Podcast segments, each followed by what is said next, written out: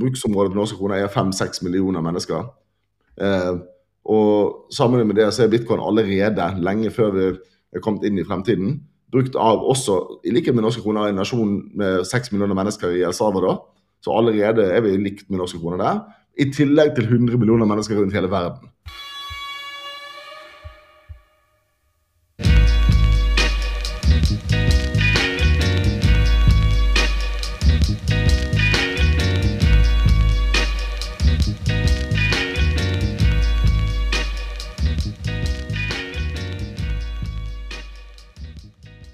Dagens gjest har vært og er fortsatt en av Norges viktigste stemmer og kilde til kunnskap når det kommer til bitcoin-økonomi og filosofi.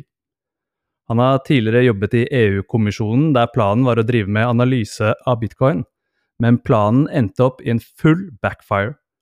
Mannen sa opp jobben, lot håret vokse, la dressen på hylla og endte opp med å bli landets mest kjente bitcoiner. Han inspirerer tusenvis av nordmenn til å lære forskjellen på bitcoin og krypto gjennom kanalen hans Kongeriket, og nå også med morgenshowet Bitcoin for breakfast. Han har hostet utallige intervjuer både med tradisjonelle økonomer og politikere, er arrangør av store eventer som Northern Lightning, og er også blitt en ettertraktet foredragsholder på flere av verdens største bitcoin-konferanser. I dag er jeg så utrolig heldig å ha med en hardbarka eksilbergenser på tråden fra Berlin. Velkommen til 21 tanker, Erik Dale. Hvordan er det med deg? Tusen takk for det, Andreas. Du, Det går strålende. Det er veldig hyggelig å bli invitert på podkasten din. Veldig hyggelig at du stiller opp, ofrer tiden. Det er uh, helt fantastisk. Dette har jeg venta lenge på. I like måte. Jeg gleder meg til å prate med deg. Hva jeg, jeg har jeg tror jeg kommer til å legge til meg den vanen, eller det å åpne denne, mm, disse episodene med, med, gjester med å spørre hva er ditt første minne av penger eller verdi? Uh, det er et sabla godt spørsmål.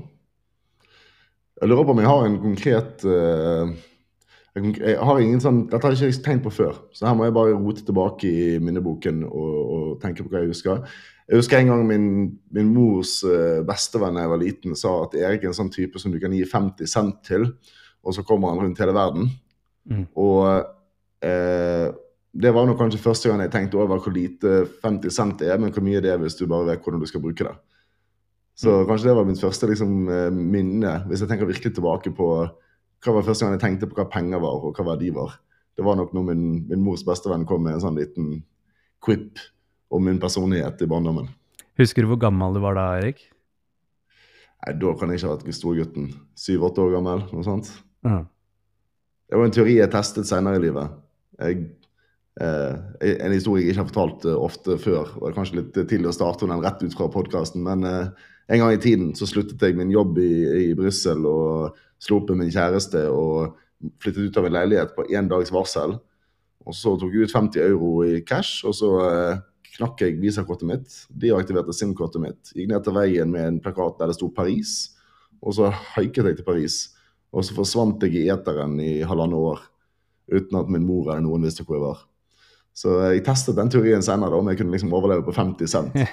Eh, det, jeg vet ikke, Kanskje det er faktisk en kobling der. fordi at eh, når jeg kom tilbake fra den turen etter det halvannet året, det var da jeg begynte min karriere i Brussel. Og det var da jeg begynte å virkelig lære om økonomi og uh, etter hvert ble involvert i uh, gjeldsforhandlinger rundt Hellas og andre ting som på en måte veldig eksponerte meg for den harde virkeligheten rundt, rundt verdi og penger. da. Mm. Kanskje primet meg litt for å bli interessert i bitcoin senere. Det, det, er veldig interessant. Um, jeg har ikke lyst til å miste den tråden der, faktisk. Erik. Hva var opplevelsen din rundt det å jobbe i, um, i Brussel? Og, og ja, alle disse problemene som det var, var, det rundt uh, uh, Var det rundt tiden da Hellas sleit veldig, sa det? Ja, sant, så uh, Gjeldskrisen begynte jo i 2009-2010.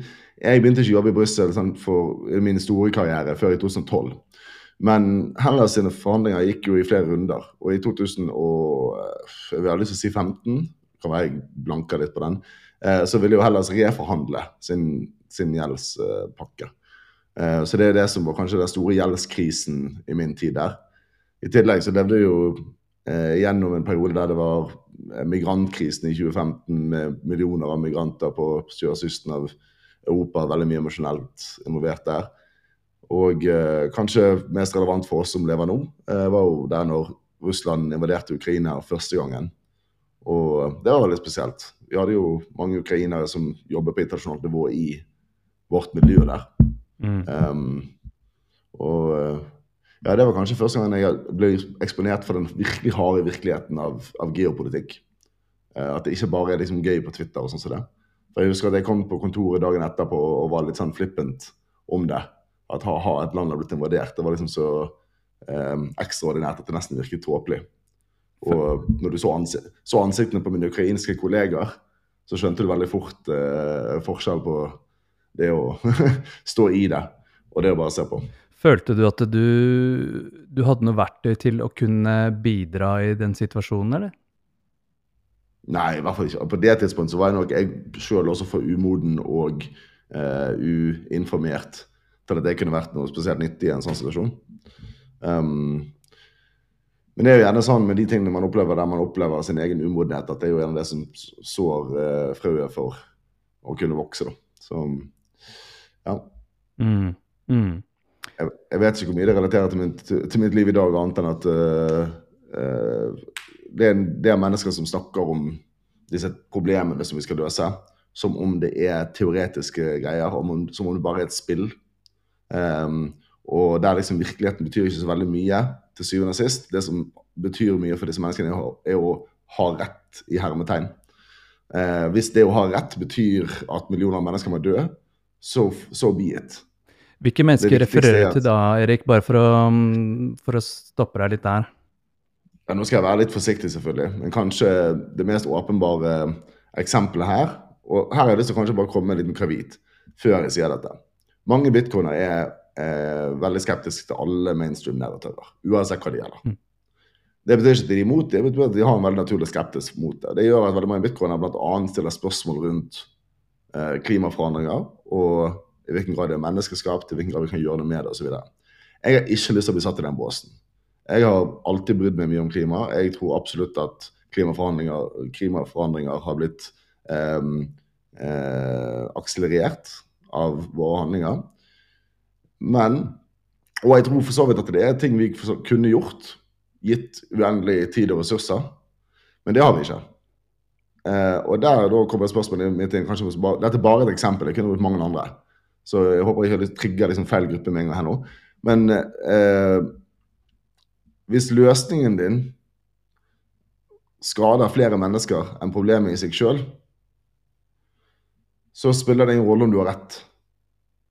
Hvis du ender opp med å endre matvanene til folk, og det gir kreft til 200 millioner mennesker som dør fordi at du har tvunget til å, drive, eh, til å ete kjemisk dritt i et forsøk på å redde planeten, sånn at ikke 80 millioner mennesker dør, da har du drept 120 millioner mennesker.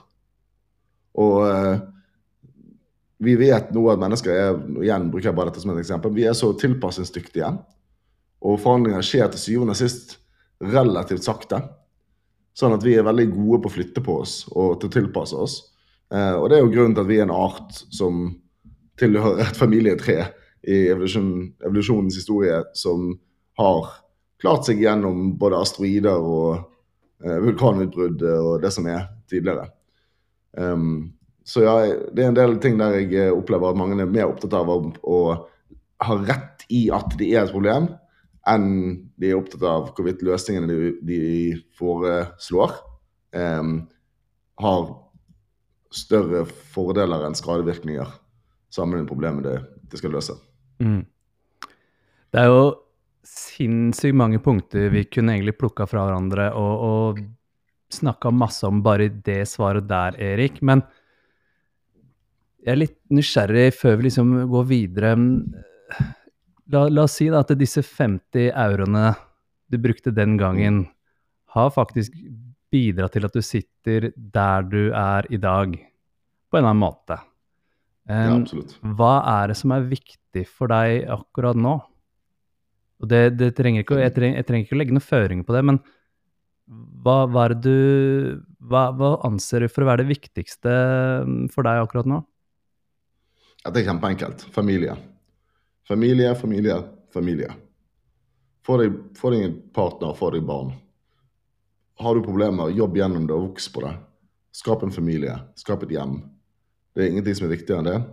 Og det er veldig koblet til de, de 50 euroene og uh, den opplevelsen med å gi opp alt. Og der vil jeg gjerne sitere en Nå skal jeg passe meg her. Uh, er det Janice Joplin som sier uh, 'Freedom is just another word for nothing left to lose'? Mm. Ja. Mm. Kan være at jeg husker, husker feil. Men uansett, 'Freedom is just another word for nothing left to lose'. Det er et sitat som, som burde jage mange bitcoinere. For det er veldig lett å gå imot alt og kaste opp alt. Og liksom bryte ned ting er veldig enkelt. Det å bygge opp ting det er det som er det harde arbeidet. Og målet kan ikke være frihet. Målet mitt var i veldig mange år frihet. Det var liksom det høyeste verdien jeg hadde. Og det som ga meg retning i hvor jeg skulle bo og hvem jeg skulle være med, og you name it. Men hvis det høyeste målet ditt er frihet, så kan du bare gi opp alt. Til syvende og sist er du nødt til å ha et mål om å bygge noe som begrenser friheten din på en måte som du ønsker. Som f.eks. å bygge en familie. Så når jeg ser sånne de som Igjen mitt vepsebol, men jeg er glad i de. Eh, disse dingsa. Har du hørt om dings? Nei, veit du hva, jeg tror ikke det. Dings det er altså da dual income, no kids. Ja. Og det er jo da selvfølgelig en sånn eh, movement av eh, unge par som har bestemt seg for ikke å få barn. sant? Mm. Og um, Misforstå meg rett. Hvis du velger å ikke få barn, det er helt OK. Hver til, sin, eh, til sitt. Og det er mange mennesker som ikke burde være foreldre. Og alle de kavita som man burde ta før man sier noe sånt som dette. Men det er jo da en sånn kulturelt movement om liksom at uh, um, jeg Det er ikke verdt å få barn, for da går jeg glipp av double margaritas på tirsdag. Mm. Og, og det, det er Uff, ja. Uh, ja, eh, bygg noe, skap familie. Uh, drit i doble margaritas på tirsdag. Freedom is just another word for nothing left to lose. Mm. Mm. Du må ha noe å tape. Føler du at du har kjent på 100% frihet, egentlig, før du da stifta familie? Hmm. Du kommer inn på et sånt filosofisk område liksom, om det er mulig å ha frihet uten ansvar. Uh, I hvert fall en følelse av frihet uten ansvar. For det er jo åpenbart at rent objektivt så har jeg nok hatt mest frihet i den øyeblikket der jeg bare forsvant så mye at ikke engang min mor visste hvor jeg var. Sant? Ingen forventninger, ingen konsekvenser, uh, ingenting å følge opp på, uh, ingen timeplan, ingen bekymringer. Sant? men også et blaff. Et fullstendig meningsløst og virrende individ uten noen evne til å eksistere um, på, en meningsfull, på en meningsfullt, meningsfullt vis. Um, beklager, nå mistet jeg litt tråden i spørsmålet ditt. Jeg bare begynte å tenke Ja, det, det, gjør ingenting. Um, jeg har lyst til å dra det litt tilbake til bitcoin også, fordi ja. jeg opplever jo at for bitcoinere så er jo frihet en, en ekstremt viktig ting. Mm. Um, og så sier du familie. Og, og, hvor kommer bitcoin inn i bildet her da, Erik? Det handler jo kanskje om, om lav tidspreferanse på et veldig sånn banalt nivå. Men lav tidspreferanse der blir bare en sånn merkelapp og en mye dypere og bredere poeng om eh, vår tilhørighet til universet og vår historie og hvilken reise vi er på. Det å også kunne være i stand til å, å ligge igjen Ok, La meg begynne litt fra begynnelsen. her. Mm. Jeg har alltid vært fascinert av hva vi mennesker er i stand til å legge igjen til ettertiden. Sånn at Vi kan se på pyramidene og akvedukter og den slags, så kan vi bli fascinert av sånne byggverk og tenke at her er det et eller annet, det er et ekko her av at noen, noen eksisterte, og de hadde noe stort. Og så har du litt mindre ting, eh, litteratur og ting som har kommet etter at man har begynt å kunne skrive og lagre ting eh, på medier som varer. Eh, så har man minner om at her er det folk som har tenkt på sånn og sånn og sånn måte. Hele veien til liksom, man kommer ned på det mikrokosmoset om at det er folk som har kjent deg, og som har møtt deg, og som Sporene etter din eksistens, din your being, um, forsvinner veldig gradvis. Slowly we fade. Um, og det å også kunne legge igjen et ekko eh, som former fremtiden til menneskeheten, er veldig, veldig vanskelig. Men én måte å gjøre det på, det er å gjøre det gjennom vår forståelse av sannheten og eh, språket vi bruker til å beskrive hva som er sant. Og bitcoin er det mest presise språket vi har for å kunne konsolidere en felles sannhet, uavhengig av kultur, språk, hudfarge, you name it. Den konsoliderer ikke all sannhet, men den tillater oss å bidra til å legge igjen et monument, om du vil. For det er det det virkelig er. Det er et digitalt monument, en digital akvedukt. Digitalt kolosseum med digitale pyramider. Um, og det å um, gjøre det vakkert er noe som, som, betyr ganske mye for meg. Um, kan jeg få lov å avbryte deg litt der, da? Fordi yeah. la, la, oss si det er folk som hører på denne podkastepisoden her nå, som ikke helt skjønner hva bitcoin er, men som er nysgjerrig og vi ser at prisen går opp akkurat nå, og ja, ser at de norske kronene taper verdi. Hva er det du mener da, hvis du, hvis du kan forenkle det litt, grann, det å bygge pyramider for sannheten? Um, ja, du har rett. Nå ble det veldig høyt Men, men, men, det er helt fint. Det er helt fint. Jeg digger det. Men, men, for la oss si en som ikke har peiling da, på bitcoin, hva betyr den metaforen, da? Ok, i ditt, i, ditt, I ditt, personlige liv, hvis du forestiller deg at du har lyst til å ha barnebarn, og eh, du har lyst til å gi noe til de barnebarna, så vi får at de barnebarna skal ha det beste mulige livet når de en gang kommer, selv om du ikke har møtt dem ennå. Det er jo noe som jeg, jeg, tror at de fleste som har en familieorientasjon, ønsker. Eh, så har du det problemet at hvordan kan du påvirke den verdenen de lever i? Og det å, hvis, nå, nå tar jeg veldig praktisk rett, drit i alt det jeg sa før. Eh, hvis du har lyst til å sende dem verdi, hvis du har bare lyst til å gir dem en start i livet, så har du veldig få måter å gjøre det på. Sender du det gjennom norske kroner eller euro eller eh, dollar, så kommer det til å forringe verdien sin så mye at lenge før de barnebarna er født, så er all verdien borte. Så det er ikke et medium du kan bruke. Det er som å lagre Hvis du forestiller deg papir som råtner, så kan du skrive ned masse brev til dine etterfølgere. Men hvis papir råtner, så spiller det en rolle etterpå. Før eller senere så kommer du til en generasjon der de ikke lenger kan lese hva som står. Og Sånn er det også med den verdien du forsøker å sende langt frem inn i fremtiden. Og Du kan gjøre det av et egoistisk motiv. Du er ung og du har lyst til å ha en bedre liv om 25 år, og du er villig til å gjøre et offer for det. Det er jo det vi gjør når vi sparer til pensjon, f.eks. Um, eller det kan være på et større perspektiv. Du har lyst til å bygge et dynasti. Du har lyst til å, en, en, å tenke langsiktig om din egen uh, genealogy og um, om fra fremtiden til de, uh, dine etterfølgere. Uansett så kommer du opp mot det problemet. Hvordan kan du da sende den verdien inn i fremtiden utenfor din egen tidshorisont, utenfor din egen kontroll. Og bitcoin som en eh, asset som aldri kan kopieres, det finnes bare 21 millioner bitcoin. Og eh, eh, alle kan sensureres, eh, som allerede er et datanettverk som er umulig å overtale, kontrollere eller ødelegge.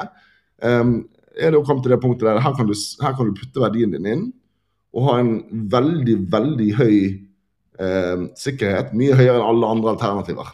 Istedenfor å diskutere om vi kan være sikre. La oss bare si mye mye tryggere enn alle kjente alternativer i universet. Kan du da putte verdien inni der og være ganske trygg på, relativt alt annet, at den verdien vil nå de menneskene i fremtiden? Eller for den saks skyld, hvis du har lyst til å være mer praktisk i vår egen tid, et annet sted i universet? Altså, eh, Norske kroner er jo fullstendig ubrukelige. Eh, du kan ikke bruke noe annet sted i verden enn på en liten flekk oppe i nord og beveger deg utenfor her, så finnes det ikke en eneste kafé, en eneste forretning, noe som helst, som godtar norske kroner. Mm. Så bruksområdet på norske kroner er fem-seks millioner mennesker. Eh, og sammen med det så er bitcoin allerede, lenge før vi er kommet inn i fremtiden, brukt av også, i likhet med norske kroner, en nasjon med seks millioner mennesker i El Salvador. Så allerede er vi likt med norske kroner der. I tillegg til 100 millioner mennesker rundt hele verden. Mm. Og eh, den globale naturen til, til bitcoin nå, ble det veldig to forskjellige tråder her, men eh, det gjør at man kan være sikker på at bitcoin både fungerer til å sende verdi eh, i rom og i tid. Um, og det er vel de to dimensjonene jeg tror man trenger hvis man ønsker å tenke langsiktig og tenke dynasti. og mm. ja. Jeg føler jo definitivt bitcoin er et skjold, da. Så jeg er helt enig. Mm. Absolutt.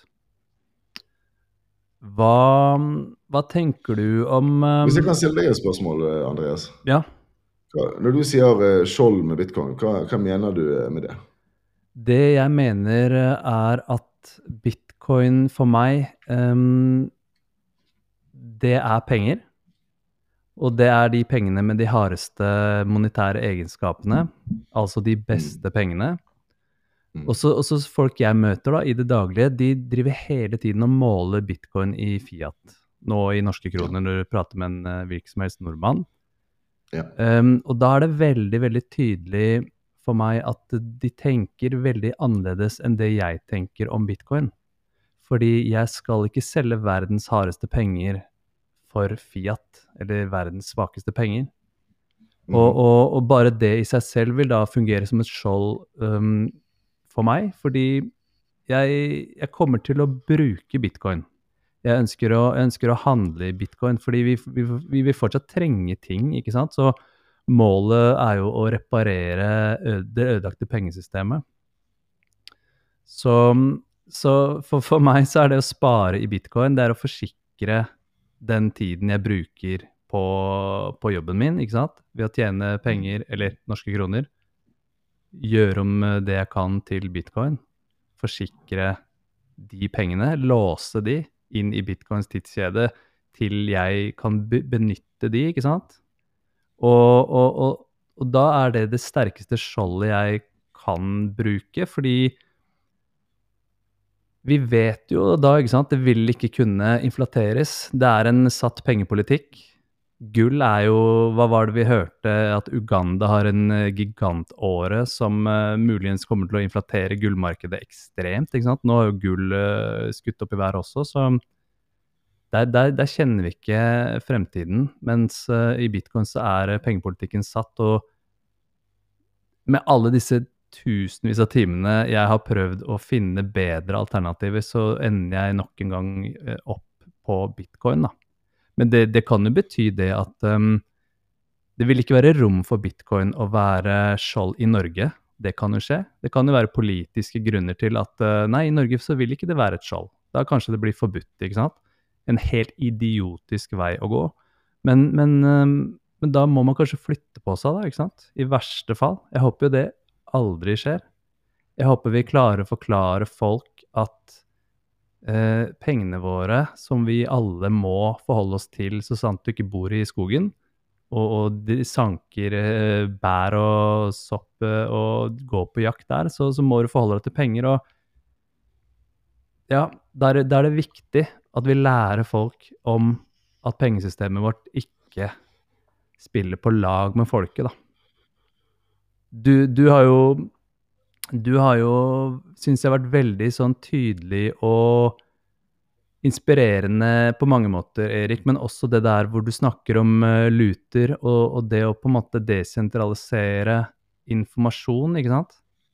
Det var akkurat det jeg satt og tenkte på ja. nå når du Kan ikke du fortelle litt om det? Fordi det tror jeg kanskje ikke mange som ikke kjenner til bitcoin, um, har hørt noe om.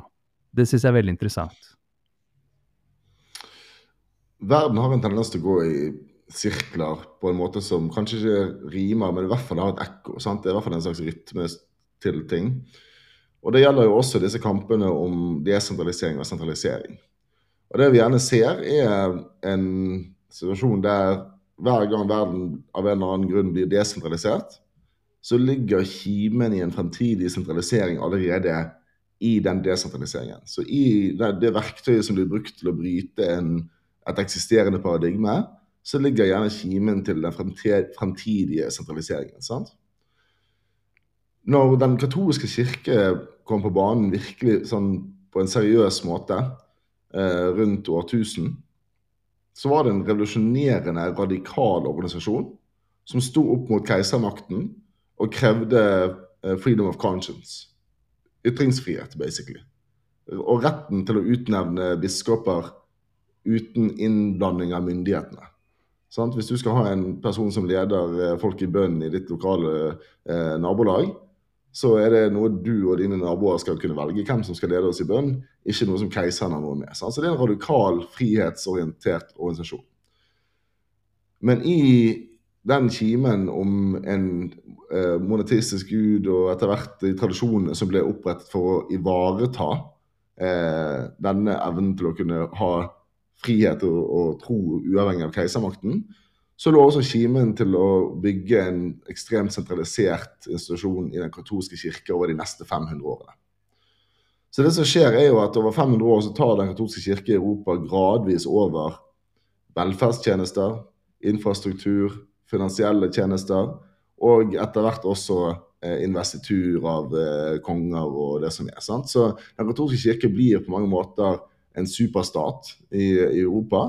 Og eh, i likhet med de fleste andre monopoler som opprettes, så fører det da gradvis til en voksende korrupsjon, eh, til voksende eh, mission creep og you name it. Sånn at innen år 1400 kommer rundt, så har Den katolske kirke allerede begynt å involvere seg i veldig store ekstravagante prosjekter og kirkebygging. og eh, Mange biskoper bruker mye av pengene på eh, biskoppalasser og den slags. Og folk kan se det. sant? Folk som tenker på Den katolske kirke som et sted som tilbyr utdanning og velferd og sånn som det. Eh, og her er jo parallell til den moderne velferdsstaten åpenbar, håper jeg. Eh, folk ser jo det at ja, du får utdanning og alt dette her, men fy faen så fint han biskopen bor der borte. Så det er åpenbart at mye penger sløses bort på eh, en korrupt politiker, om du vil kalle det for det. sant? Men vi har ikke noe verktøy på det tidspunktet for å bryte det monopolet. Og folk undervurderer nok i dag hvor viktig Den katolske kirke var eh, i mangel av ny teknologi. Både eh, kanskje særlig mest åpenbart eh, klosteret og, og, eh, og sånt som, som kopierer tekster veldig mye litteratur fra, fra, antikken, Aristoteles og Platon, overlevde kun fordi eh, Den katolske kirke satt og kopierte det opp for hånd og la det ned i sine forbudte hvelv. Så i dag tenker vi på det som at Den katolske kirke forbudde bøker og puttet ned i hvelvene sine. Men den riktige måten å tenke på det før trykkekunst er at de faktisk kopierte bøkene og sørget for at de overlevde. Så folk hadde følelse av at, vi, at det var nødvendig med denne institusjonen, på tross av de voksne og åpenbare problemene som alle kunne se med korrupte biskoper og sånn som det. Så kommer trykkekunsten. Og trykkekunsten forandrer jo selvfølgelig alt. Plutselig er det mulig å kopiere informasjon så raskt at ingen myndighet, ingen katolsk kirke er i stand til å eh, eh skru av informasjonsflyten eller kontrollere narrativet. Det åpner opp debatten og diskusjonen for om andre opplever det samme. Er det flere som tenker at Den katolske kirke burde slutte å selge avlat for å liksom, få deg ut av uh, skjærsilden når du blir eldre. Er ikke skattenivået litt sykt høyt akkurat nå, hmm. gitt hvor korrupt alt er? Sant? Hmm. Det er det spørsmålet som stilles. Når, når, og her er trykkekunstens analogien til internett eh, som har kommet nå. sant? Mm. Med en gang internett skrus på, så begynner vi å oppdage at det er andre som tenker som oss. Og det er ikke bare du som synes at staten er helt fullstendig korrupt. Det er ikke bare du som begynner å lure på om 60% skattenivå er normalt. Eh, og innen Den katolske kirke, som historisk sett kunne det tatt 10% skatt Med en liten sånn sidenote her, så virker det historisk i alle samfunn som være det naturlige skattenivået er 10% by the way. Så Den katolske kirke hadde alltid holdt til 10% skatt. Men på 1400-tallet så begynner det å eksplodere oppover med avlat. og Hvis du satte sammen alt folk betalte, så gikk jo fort halvparten av inntekten til Den katolske kirke eh, på, på et eller annet vis. Og Det oppdager folk når de har trykkekunst og mulighet til å utvikle ting eh, fritt seg imellom. Og så er det noen som da begynner å stille seg selv spørsmålet Det systemet som vi har, er det noen spesiell grunn til at vi trenger Den katolske kirke for å ha en relasjon til sannheten? Altså Formålet med Den katolske kirke er jo at vi skal kunne ha en relasjon til Gud. Sant? Mm. Og Gud eh, her kan kanskje brukes som en analogi for det gode Å ha en relasjon til det gode. Trenger vi en tredjepart for å, for å forhandle det, og er det verdt den kostnaden som, det, som kommer med det? Og der kommer Luther med den radikale forslaget som Satoshi i praksis med teknologiske, moderne begreper eh, gjentar, at hvert enkelt individ kan etablere sitt eget personlige forhold til sannheten peer to peer. Din relasjon til Gud er peer to peer direkte med Gud. Ikke via paven til Gud, eller via DNB til eh, sentralbanken. Sant? Det er helt unødvendig for deg å ha disse institusjonene der for å fortelle deg hva som er sant. Hvis jeg sender deg penger, så er det så, så én ting er sant, uansett hvordan du vrir og vender på det. Det er at du hadde noe jeg hadde lyst på, og du var villig til å ta imot mine penger for å veksle det ut. Mm. Det er sant. Det eneste som kan introdusere en løgn inn i det, er hvis en eller annen institusjon har lyst til å blande seg inn og si at ja, det kan jo være sant, men det kommer litt an på hvorvidt vi er villige til å tillate at du gjør sånn og sånn og sånn. Igjen da har du da eh, eh, Den katolske kirke som, som, har dette problemet med at eh, de kan ikke la et system være åpent og til, tilgjengelig for alle. For da begynner folk å stille dette spørsmålet. Så det første Luther gjør, og det er jo det som jeg vil mene at vi bitcoinere forsøker så hardt vi kan i denne perioden akkurat nå, det er at han oversetter Bibelen til det lokale språket.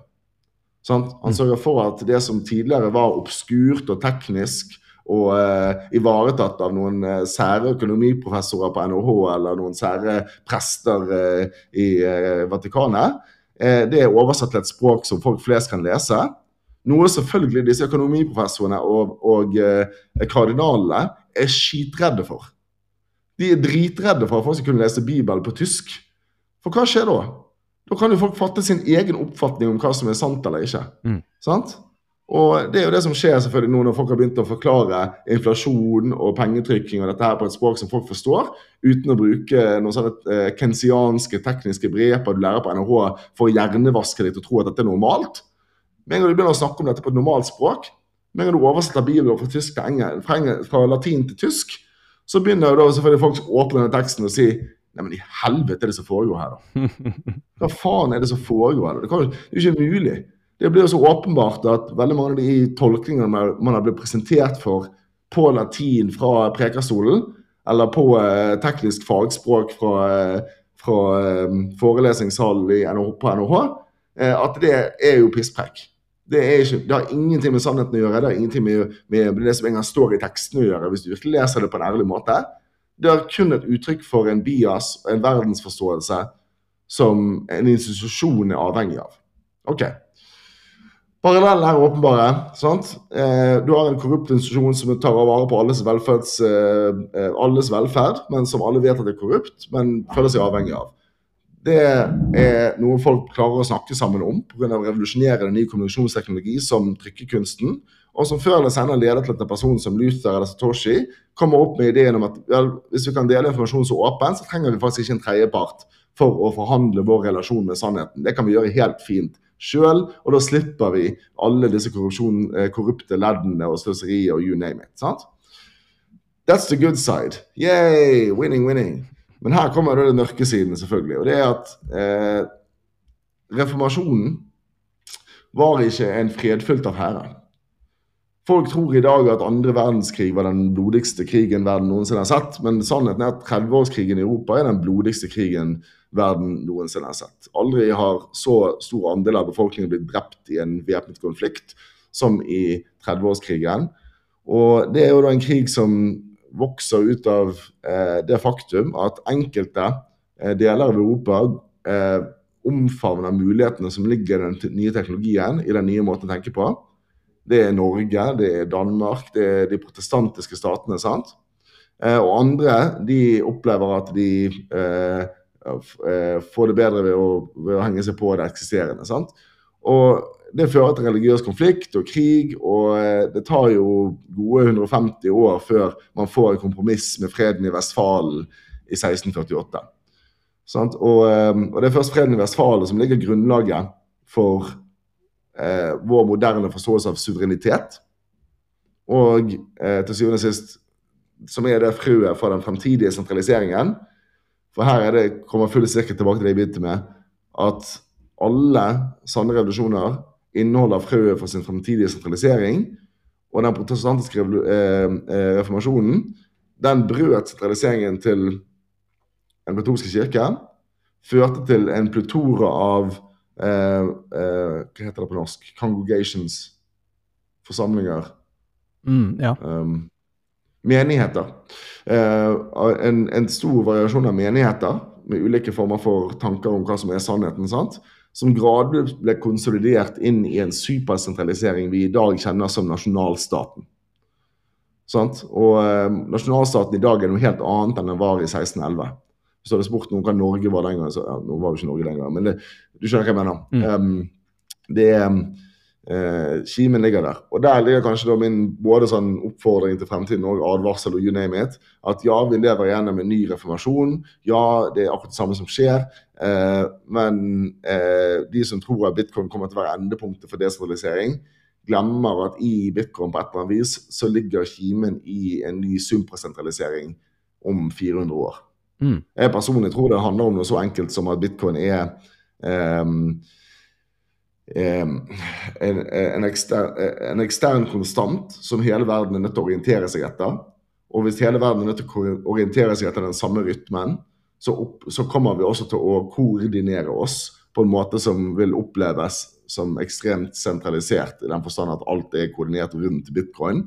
Uh, og det er en sentralisering som kommer til å være veldig vanskelig å bryte. På samme måte som nasjonalstaten virket umulig å bryte. På samme måte som den katolske kirke virket umulig å bryte. Så både på godt og vondt så tror jeg parallellen rundt reformasjon er mye sterkere enn parallellen rundt eh, revolusjon eller eh, eh, renessanse.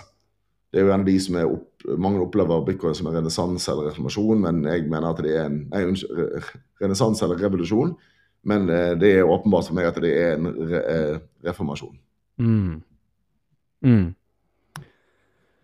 Det blir jo oppfatta ganske raskt det med bitcoin og bitcoinere som ganske radikalt. Ganske raskt, egentlig. Mm.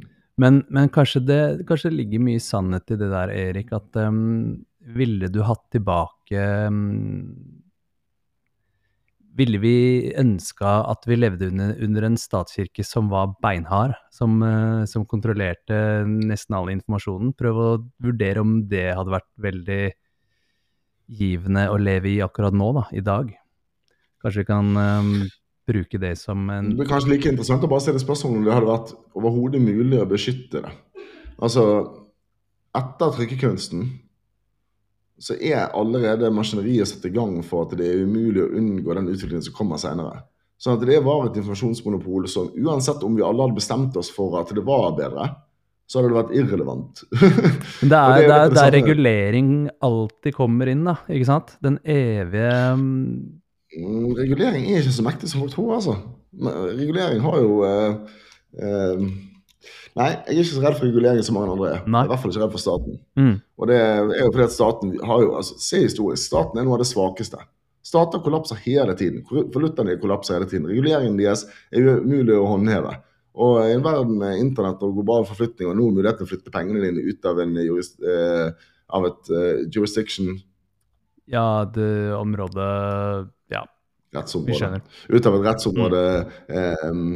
eh, som du vil, med lysets hastighet. Eh, så er for helt ærlig, staten bare et sånn stort eh, beist som med masse propaganda, og masse bjeller og flagg og sånn som det. Men hvis du bare poff, poff, poff, bare fullt i hull, bare luft Makten er ikke der så sterkt som det man trodde. Det er ingen som har lyst til å slåss for staten lenger. Det er ingen som, har lyst til, det er ingen som plukker opp en pistol for staten lenger. Og um, um, det er en, en, trend som jeg tror vi kommer til å se forsterket veldig mye fremover. Um, men jeg hadde egentlig et annet poeng jeg hadde lyst til å komme med, men jeg glemte det. Mm. Mm. Ja, men, men, kanskje du kommer på det seinere, Erik. Um, hva, hva, føler du hvis du Hvis du Hvis jeg kan be deg om å, å tenke Hva bør en gjennomsnittlig nordmann gjøre nå, i, i, forbindelse med det vi snakker om, og hva bør staten gjøre nå? Og da relatert til selvfølgelig økonomi, bitcoin, renessanse, alt du snakker om her, da. Mm. Ok, For enkeltindividet først så er det veldig enkelt. Eh, du er allerede litt sent ute, men du burde begynne å stekke bitcoin, og det burde du begynne å gjøre på en, på en eh, børs som er non-custodial. Dvs. Si at du tar ut bitcoinene dine hver gang du kjøper dem til din egen lommebok. Sant? Du holder dem i din egen lommebok uten en tredjepart, uten en institusjon. Hele poenget med bitcoin. Og så bør du lagre det på en trygg måte. Og, eh, men alt dette burde egentlig bare være en rubrikk, som er 'study bitcoin'. Mm. Før, før, du kjøper bitcoin, studer bitcoin. Resultatet av å studere bitcoin er nesten alltid at du kjøper bitcoin. Så hvis du begynner med å studere bitcoin, så er det en kjempegod eh, begynnelse. Så kommer det til det hva staten bør gjøre. Og der har vi jo, Hvis jeg liksom hadde vært statsminister i morgen jeg skulle redde Norge For det er det som egentlig skjer her. sant? Altså, Når sånne revolusjoner som dette skjer, så er det alltid mange land som har dratt nytte av den eksisterende verdensorden.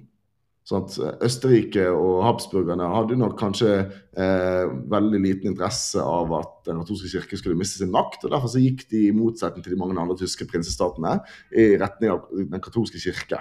Fordi de hadde, de hadde, vunnet på den eksisterende verdensordenen. Norge er et strålende eksempel på dette. Sant? Vi har land som har tjent godt på Fiat, og derfor så har vi eh, relativt liten interesse i å, å, stille spørsmål ved om det er det beste systemet. Men hva spiller det for noen rolle hvis det er uunngåelig? Hvis du nå visste på forhånd at bitcoin kom til å vinne, hvis du kunne bare glimse 100 år i fremtiden og så ser du oi faen, bitcoin kommer til å overalt, absolutt alt, hva ville da vært det riktige for deg å gjøre når du plutselig får makten til å redesigne Norge som du ville, og på en måte redde Norge? Vel, Det første er at du blir nødt til å konkurrere eh, internasjonalt eh, med alle andre rettsområder om å sørge for å tiltrekke den hardeste pengen mulig. Det kan du gjøre med å fjerne alle skatter. Alle skatter utenom eh, eh merverdiavgift vil jeg fjernet umiddelbart. Eh, det betyr en enorm begrensning av potensielle velferdstjenester. Eh, og vi ville holdt militære, rettsvesenet og politiet.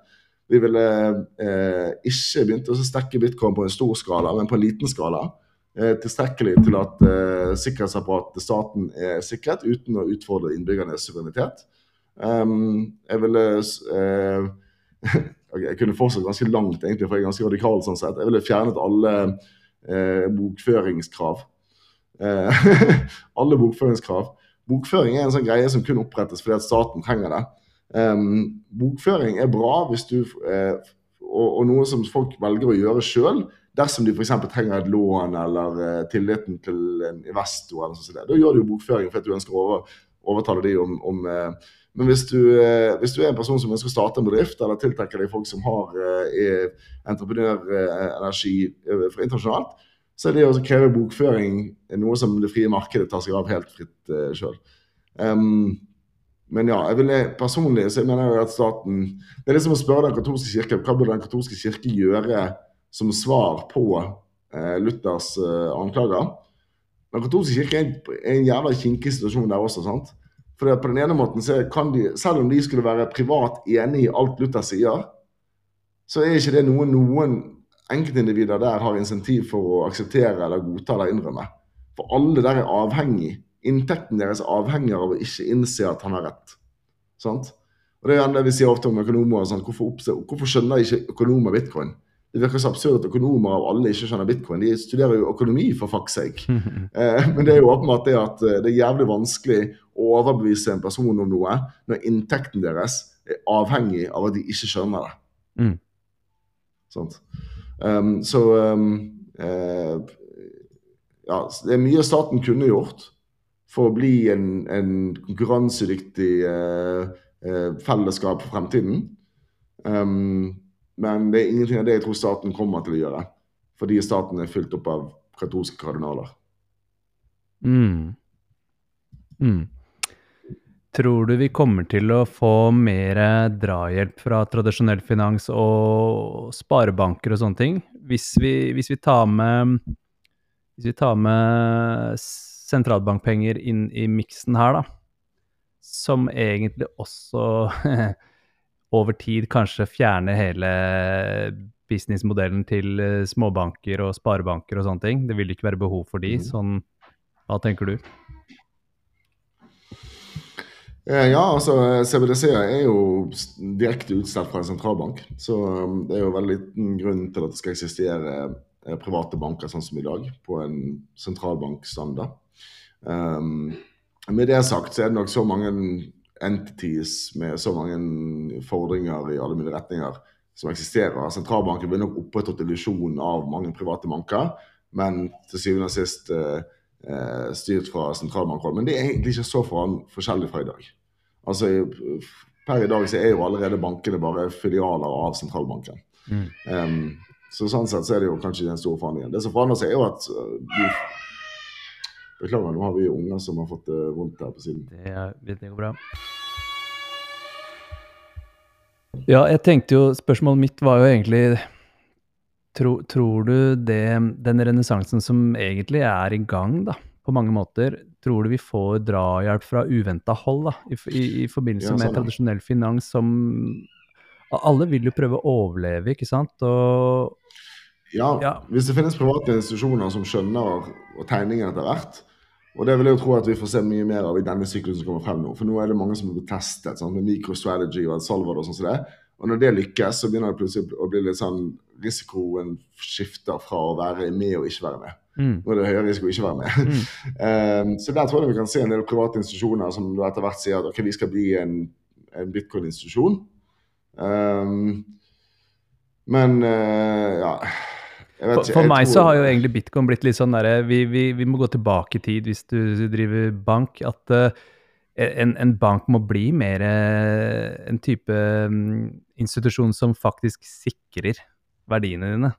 At, at uh, banker for å overleve i denne bitcoin-økonomien faktisk begynner å gjøre det banker gjorde. Det blir et hvelv da, i større grad. Litt sånn derre artig tanke som ja, dukker opp. Jeg tenkte det også en stund.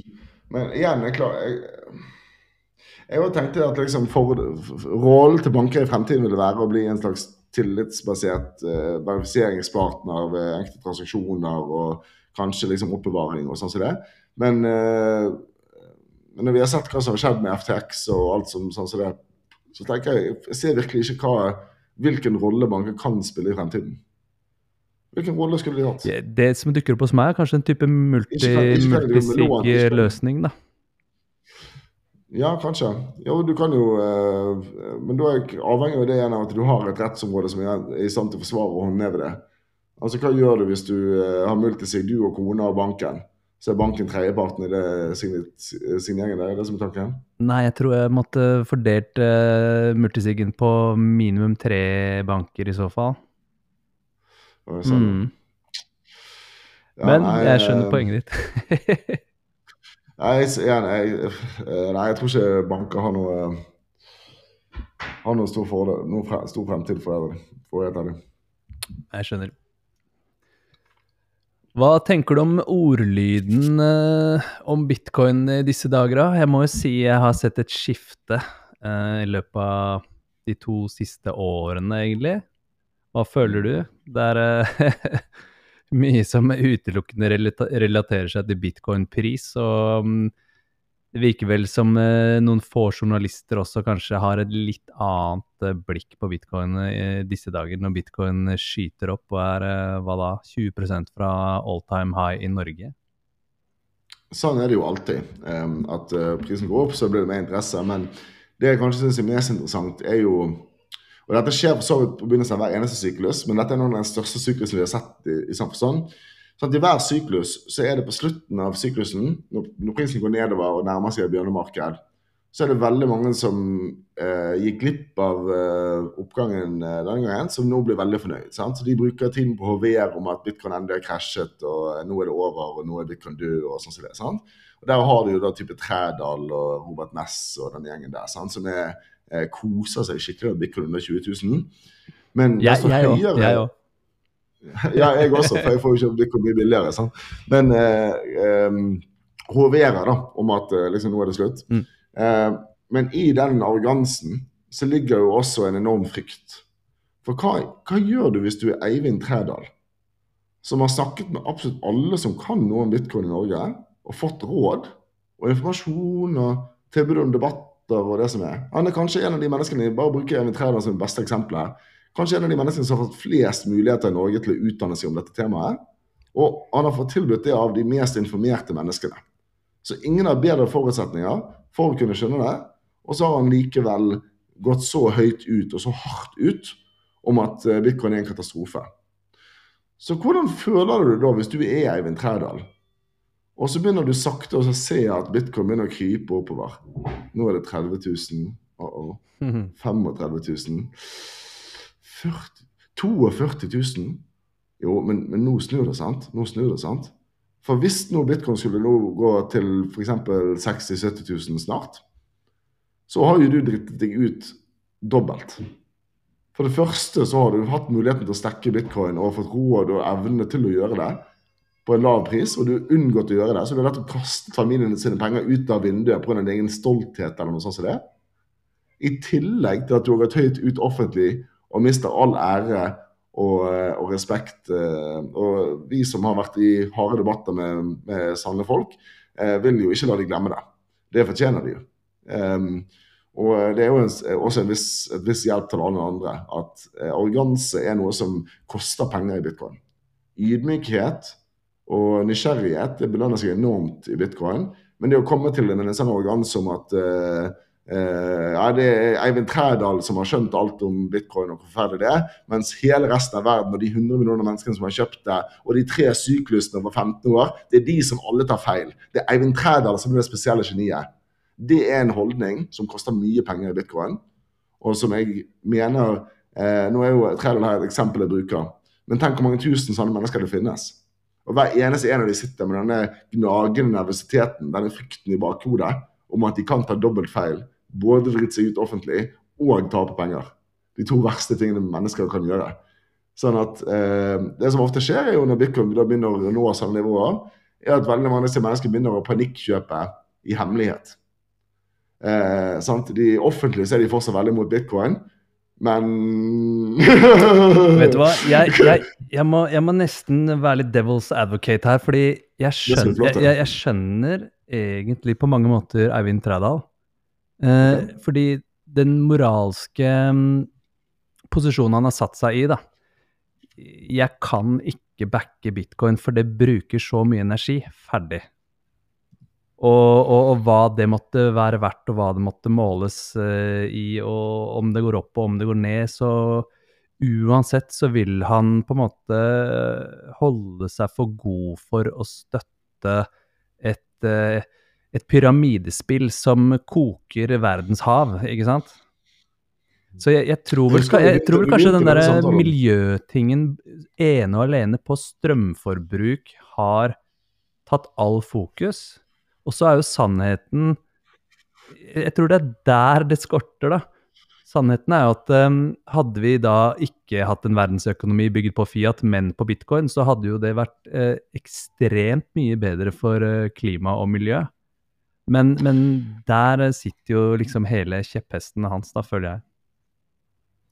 Du har nok kanskje rett, men her opplever jeg virkelig Trædal som en ganske La oss bare ta en liten recap på hvor uærlig Trædal har vært i den debatten. Uten at du skal dedikere for mye tid til ham, men det er greit. Ja, da, Trædal er kanskje den mest uttalte kritikeren av bitcoin i Norge, så det er naturlig å bruke litt tid på det han snakker om. Mm. Og Trædal har jo takket ja til debatter tidligere, inkludert uh, han har takket ja til å komme på min podkast og snakke med meg om bitcoin. Mm. Men når han faktisk har blitt invitert, og sånn som det, så sier han ja, og så trekker han det ut, og så, og så, trekker han seg fra det. Så han stiller ikke opp til å forsvare det han sier, for jeg tror han også vet jo at han først og fremst driver en kommunikasjonskampanje og ikke en kampanje om hva som Og Der går det tilbake til begynnelsen av det vi snakket om i denne episoden her, om forskjellen på det å gjøre noe godt og det å bli opplevd som noen som gjør noe godt. Og Trædal er blitt en person som bryr seg mye mer om at resten av miljøbevegelsen skal synes at han sier de riktige tingene, og gjerne på en vittig måte og på en måte som har litt sånn frekkhet og edge og sånn som det. Mm. Det får han veldig mye rush ut av. Kanskje en liten boner.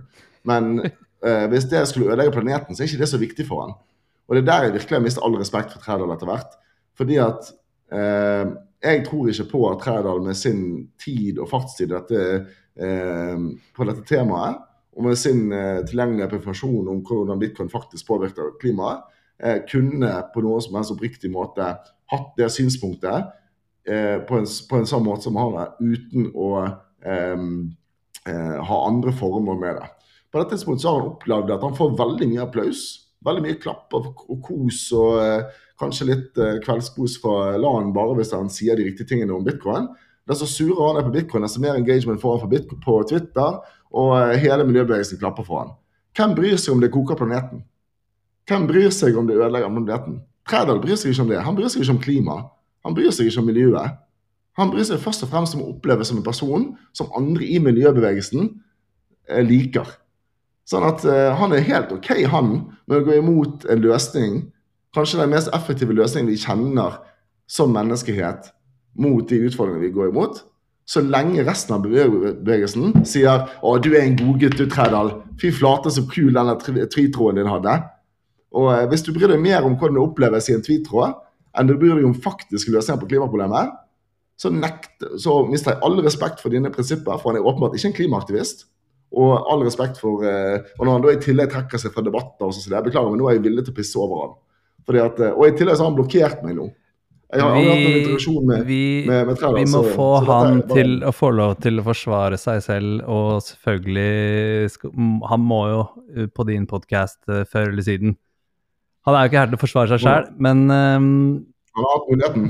Han har uh, takket nei, nei, han har takket ja, og så trekker han seg om og om igjen. Ja. Kan, kan, skal screenshotte alt og bare publisere. Ja, ja. ja. La oss legge Trædal død akkurat der, da. Men uten å ikke miste um, et veldig viktig tema som handler om klima og miljø. Koke hav, mm. bruke strøm på å mine bitcoin. Det er jo veldig, veldig vanlig oppfatning at uh, bitcoin er jo den mest destruktive formen for penger som finnes. Som, som, som, gjør at vi betaler ekstremt dyrt for strømmen vår i dag. For vi bruker jo alt på å mine pyramidespill, ikke sant? Mm. Hva tenker du er misforståelsen her, Erik? Første spørsmål man bør stille seg før man begynner å sette seg inn i bitcoin, er jo bare hvis vi nå bare alle antar at alle deler at, at klimaforandringer er ekte, og at de er menneskeskapte, som en forutsetning for det jeg kommer til å si nå, i så fall så er det også en forutsetning at det er noe som har skjedd under Fiat. Bitcoin eksisterte ikke før 2008. Så åpenbart, den klimaødeleggelsen som vi har sett, det energiforbruket som vi har sett, det er noe som er et resultat av det eksisterende systemet. Det kan ikke være et resultat av bitcoin, så det er bare viktig å ha med seg før man begynner her at det er, det er veldig mange som nå etter hvert har begynt å bli det sånn at hvis ikke det var for bitcoin, så ville klimaet vært bra.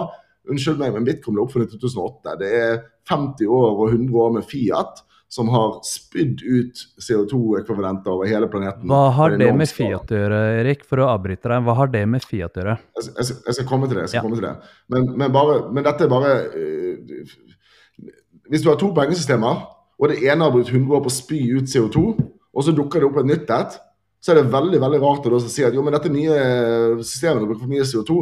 Jo, men Det er jo det som er det problemet med det eksisterende systemet. i en sånn tanke. Så bare la det bare som en baseline der. Hvorfor er det sånn? Men hvis du skal inflatere penger, så er du avhengig av, ev du avhengig av evig vekst.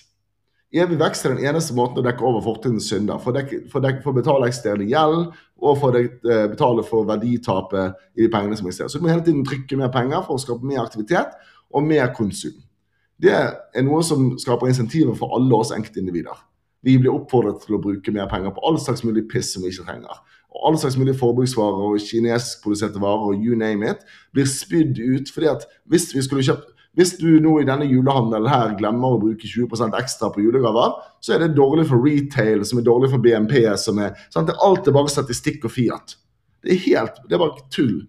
Du, kan, du, kan, du har ikke lyst på disse tingene engang. Men de kommer til å bruke masse penger på reklamekampanjer for å kjøpe noe plastskritt fra Kina. Fordi at hele systemet for å overleve er avhengig av at du opprettholder og øker ditt konsum. Bitcoin derimot er jo omvendt anlagt. Som alle vet, så er bitcoin kjent for å gå på verdi over tid. Og Det betyr jo at du er insentivert til å ikke bruke bitcoinene dine nå. Desto lenger du venter med å bruke bitcoinene dine, desto mer kjøpekraft får du.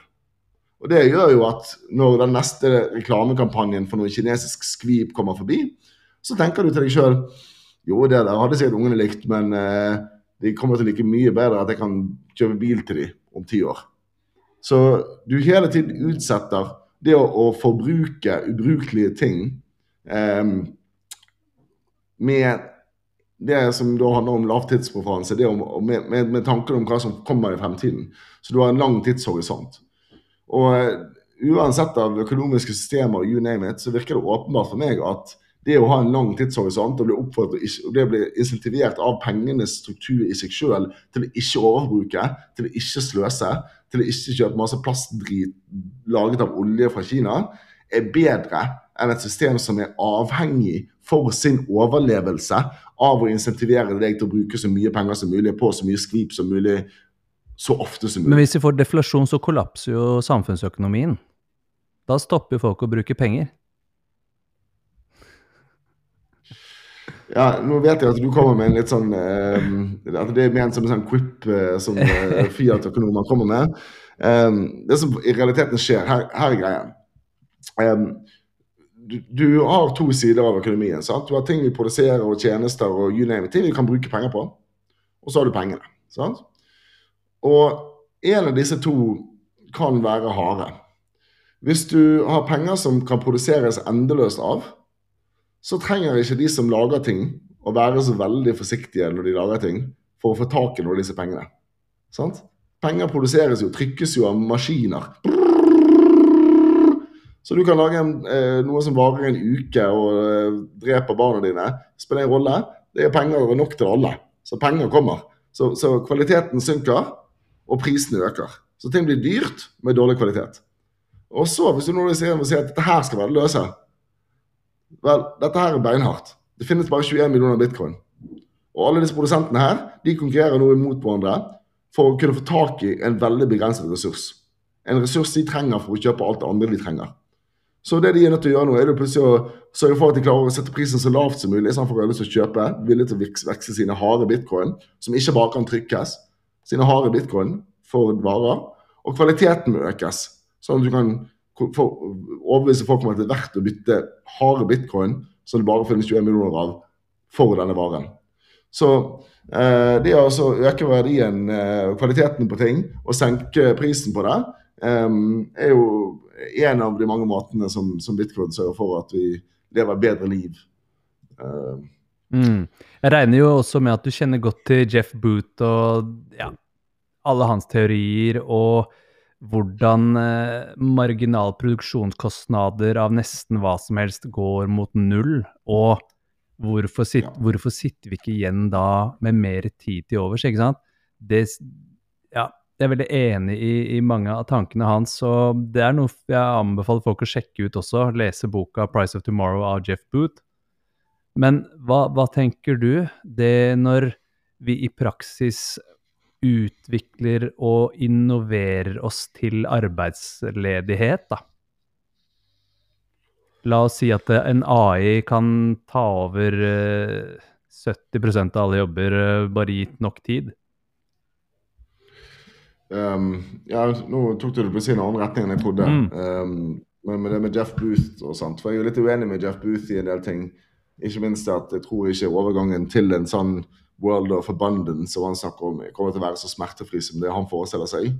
For det er jo veldig mye av den verdenen vi lever i som er opprettholdt utelukkende pga. Fiat. Og det er jo på en måte der Fiat-økonomene har, rett, økonom, har rett. i at det å ha enorme velferdsprogrammer og, og sånn som det, de har, og det å ha eh, statlig organisert matproduksjon og den slags alle som, som forresten, alle, Alt det er jo et resultat av behovet for å ha store, stående hærer etter Napoleon, etter første verdenskrig og andre verdenskrig, så var vi nødvendig å ha mange mennesker som kunne være klar til å kjempe i en krig. og Derfor var vi nødt til å ha statlig produksjon som kunne bygge en stor befolkning som kunne beskytte landet. Men når du da fratar staten evnen til å opprettholde disse, død, denne dødvekten, folk som ikke bidrar noe til samfunnet annet enn å kunne være potensielle våpenbærere, eh, så vil nok også veldig mange av de rett og slett dø hen. Eh, og, og da mener jeg ikke sånn brutalt sulte i hjel dø hen, men at de kommer ikke til å reprodusere, og deres barn kommer ikke til å overleve. Og um, på en bitcoin-standard så har man nok muligheten til at verdens naturlige befolkningsantall akkurat nå burde være rundt 2 milliarder, og vi har 8 milliarder. Uh, og at 6 milliarder de kanskje er opprettholdt utelukkende av Fiat, um, måten Fiat drives på. Og det kommer igjen tilbake til dette med overforbruk og den slags som vi snakket om tidligere. Så det er et større, mer komplisert tema. Men jeg er ikke like enig med, med, Jeff Booth om at vi kommer til å få en sånn himmelsk fremtid på bitcoin med abundance med det første. Det er noe som kommer til å skje etter en enorm overgang fra en verden som er inflatert. Den er ikke bare inflatert på penger, den er inflatert på eiendom og aksjer, men den er også inflatert når det gjelder befolkning eh, som sådan. Um, Poenget, poenget, mitt var jo da at um, det, er ikke, det, er ikke, forenlig å ha et Fiat-pengesystem når du da driver eh, innovasjon raskere og raskere frem. Fordi at vi, vi, vi, blir, um, vi, blir, Det er ikke behov for arbeidskraften som er tilgjengelig i mennesket, da, ikke sant? Uh, da ved å ha en økonomi og et samfunn bygget på Fiat. Så, så samt, eller i, i, takt med at um, ting eh, vi, vi, får bedre og bedre hjelpemidler og innoverer oss uh, og, og, løser problemer i alle mulige ledd, så, så blir vi sittende der, da. Uten, uten, at, vi, uten at, vi, kan fylle noen uh, rolle, da, ikke sant, i, i Fiat-verden. Mens da det er naturlig, som en, som en del av den samme utviklingen, at vi går over til harde penger. Skjønner du hva jeg mener? Jeg skjønner hva du mener. Jeg har ikke så mange tanker om AI. altså. Nei. Jeg må innrømme det. Nei. Altså, jeg har mange tanker om AI, men ikke noe som er liksom kokt nok til at jeg ønsker å vente om det. Nei. Det er helt fint. Um, ja. det, det, handler ikke bare om AI, det handler om produksjon i seg selv, og at um, vi, vi, blir mer effektive til å lage det meste, da. Sånn at vi, altså, vi Der kan vi jo ta en stor historie og bare si at hele menneskenes historie handler om å gjøre oppfinnelser som gjør vi nødt til å bruke mindre energi, sånn at den energien fries opp til at flere mennesker kan bare sitte rundt og tenke over hva vi bør gjøre neste. Og Det gjør jo at man får en gradvis eksponentiell innovasjon. Sant? Man begynner med at hele verden er nødt til å bruke all sin arbeidskraft på for å så frø og høste maten. Og sånn det. Og så finner noen opp eh, vannhjulet. Og med en gang vannhjulet er oppfunnet, så er det plutselig 20 av befolkningen som står fritt til å kunne gjøre ingenting og som blir eh, selvfølgelig en prestekasse og sånn som det. Men de blir også mennesker som står fritt til å begynne å tenke over hvordan skal vi organisere alt dette her.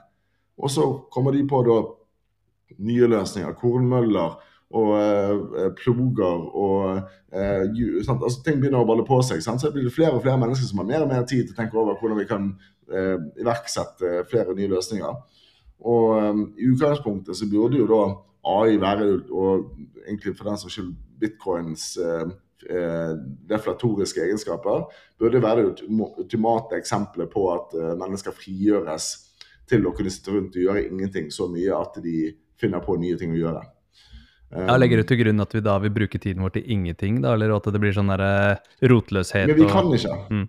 Nei, jo, ja, ja, nei. ja, eh, det blir rotløshet sånn som det, selvfølgelig. Men det som er greien, mennesker er ikke så gode på å gjøre ingenting. Der er jeg helt enig. Så det, som, mm. Så, så, det som skjer, er jo liksom at eh, sant, når plutselig 20% av samfunnet står fritt til å gjøre ingenting, så begynner de å tenke over hva de kan finne på. Og det er jo der nye, nye innovasjoner hele tiden kommer fra. sant? Mm. At det er så flere som frigjøres. Og så kommer det en ny teknologisk nyvinning. Fiat er jo en enorm eh, tilbakestående kraft sånn sett. sant? Eh, som du var inne på. Den naturlige utviklingen er at mennesker blir bedre og bedre på å produsere ting, og så blir prisene lavere og lavere til neste marginalkosten til slutt blir praktisk talt null. Sånn at eh, til syvende og sist burde ting som vann og brød og den slags være egentlig gratis. Mm. Mer eller mindre. Men det er jo noe som de som selger brød og vann og sånt, ikke har så veldig lyst til. Ja, Hvis, og, eh, hvis, hvis de har... må legge i ned tid og energi som gjør at de vil føle det som urettferdig, da, selvfølgelig. Ja, De vil jo alltid tjene mer på tjene, på å selge det for penger. Sånn. Mm. Så, eller for å selge det for et høyere tall. Så, så det å ha et system som det de kaller for sikre stabilitet, prisstabilitet, som i praksis betyr å sikre at ikke, penger, at ikke stuff blir gratis. Sant? Planøkonomi? ja, altså katastrofe vil jo for, for utgangspunktet og Her er et dypt poeng om økonomi som jeg ikke deler ofte, og som jeg ikke hører veldig mange andre snakke om. Men det er jo det at markedet hater profitt. Hater profitt. Det er ingen, det er hele, denne setningen. Markedet hater profitt. Det er hele kjernen i alt. Og la meg bare forklare det veldig enkelt. Au, fuck! To da. Å, oh, shit. Au, au, au, au, au. Hva skjer? Jeg låste, jeg låste kneet mitt. Nei, uff da.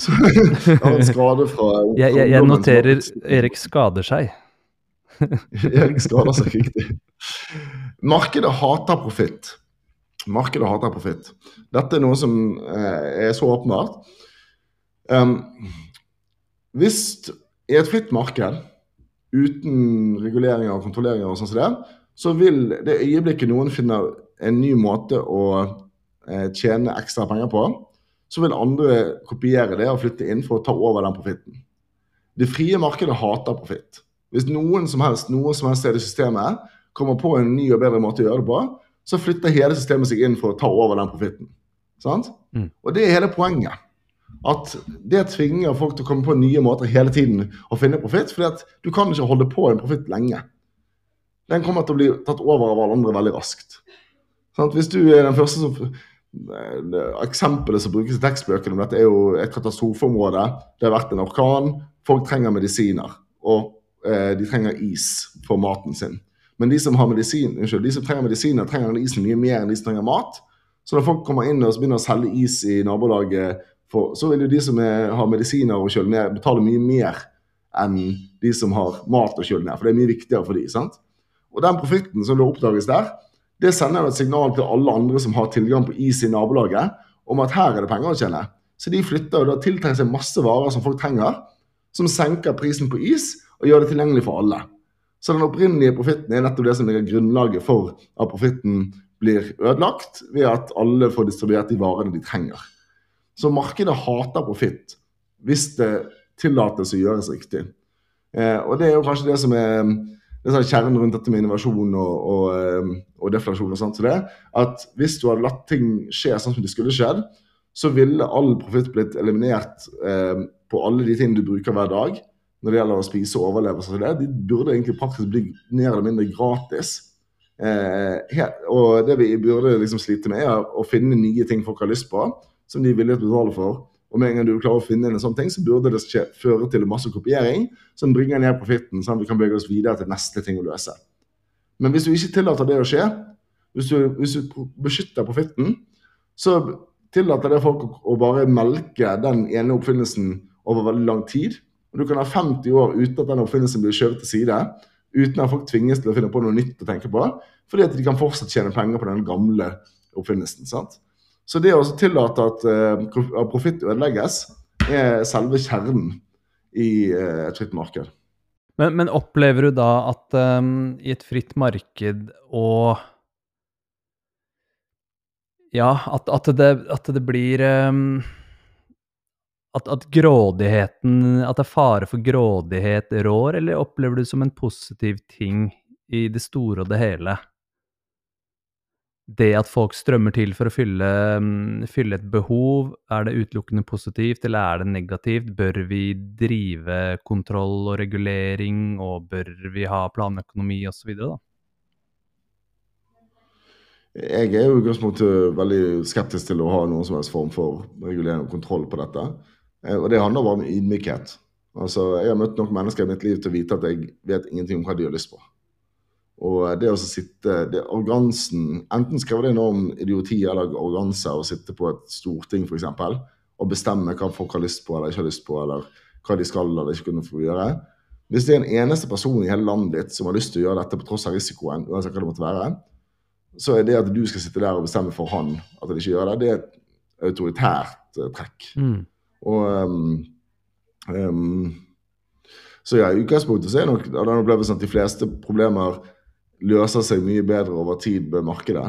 Og der igjen er dette iseksempelet perfekt. sant? Altså, Hvis myndighetene hadde kommet inn og bare stoppet han fyren som solgte is til 100 dollar, fordi at han var helt uh, urettferdig som solgte det for så mye penger, så hadde nok i ettertid mediene snakket om hvor bra det var at vi gjorde det, og hvor viktig det var.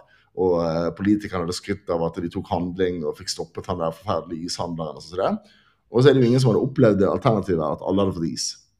Sånn, så det er jo ingen som hadde visst at det var det som var alternativet, at myndighetene egentlig bare hadde ødelagt markedet. Um, men alle hadde gått rundt og gratulert hverandre hvor flinke de var til å stoppe sånne griske ishandlere. Mm. Så der er det sånn alternative uh, history-problem. Mm, mm, mm. Det er jo litt sånn Kapitalisme også kan jo fort uh, være, være, misforstått med, tenker jeg da. Um, jeg tror ikke de fleste folk egentlig vet at en, en, en, ren kapitalisme er for folket. Jeg tror de fleste tenker at kapitalisme er det er grådigheten som rår, og utnytte de svake og spisse albuer. Mm. Men uh, der tror jeg de fleste er litt misinformert, altså. Ja, Det må jeg bare si mening Jeg har vokst opp uh, lutfattig. Jeg er barn av en alenemor. Og uh, har uh, vokst opp i belastet miljø i Bergen og har aldri hatt en krone i veggen. I utgangspunktet så burde jeg være en sånn person som skulle vært dritglad for at staten griper inn og gir meg masse ting. og sånn som det. Men det eneste staten har forårsaket meg i livet mitt, og det tror jeg ikke kan være den eneste som har opplevd det, er jo bare masse ekstrakostnad og føringer og føringer som veldig sjelden har vært i tråd med mine egne preferanser om livet. Sånn at veldig mange, gang, mange deler av livet mitt har blitt annerledes enn det jeg ville valgt å gjøre hvis ikke det var for staten krevde det av meg. Og uten at resultatet har vært noe spesielt imponerende for min egen del.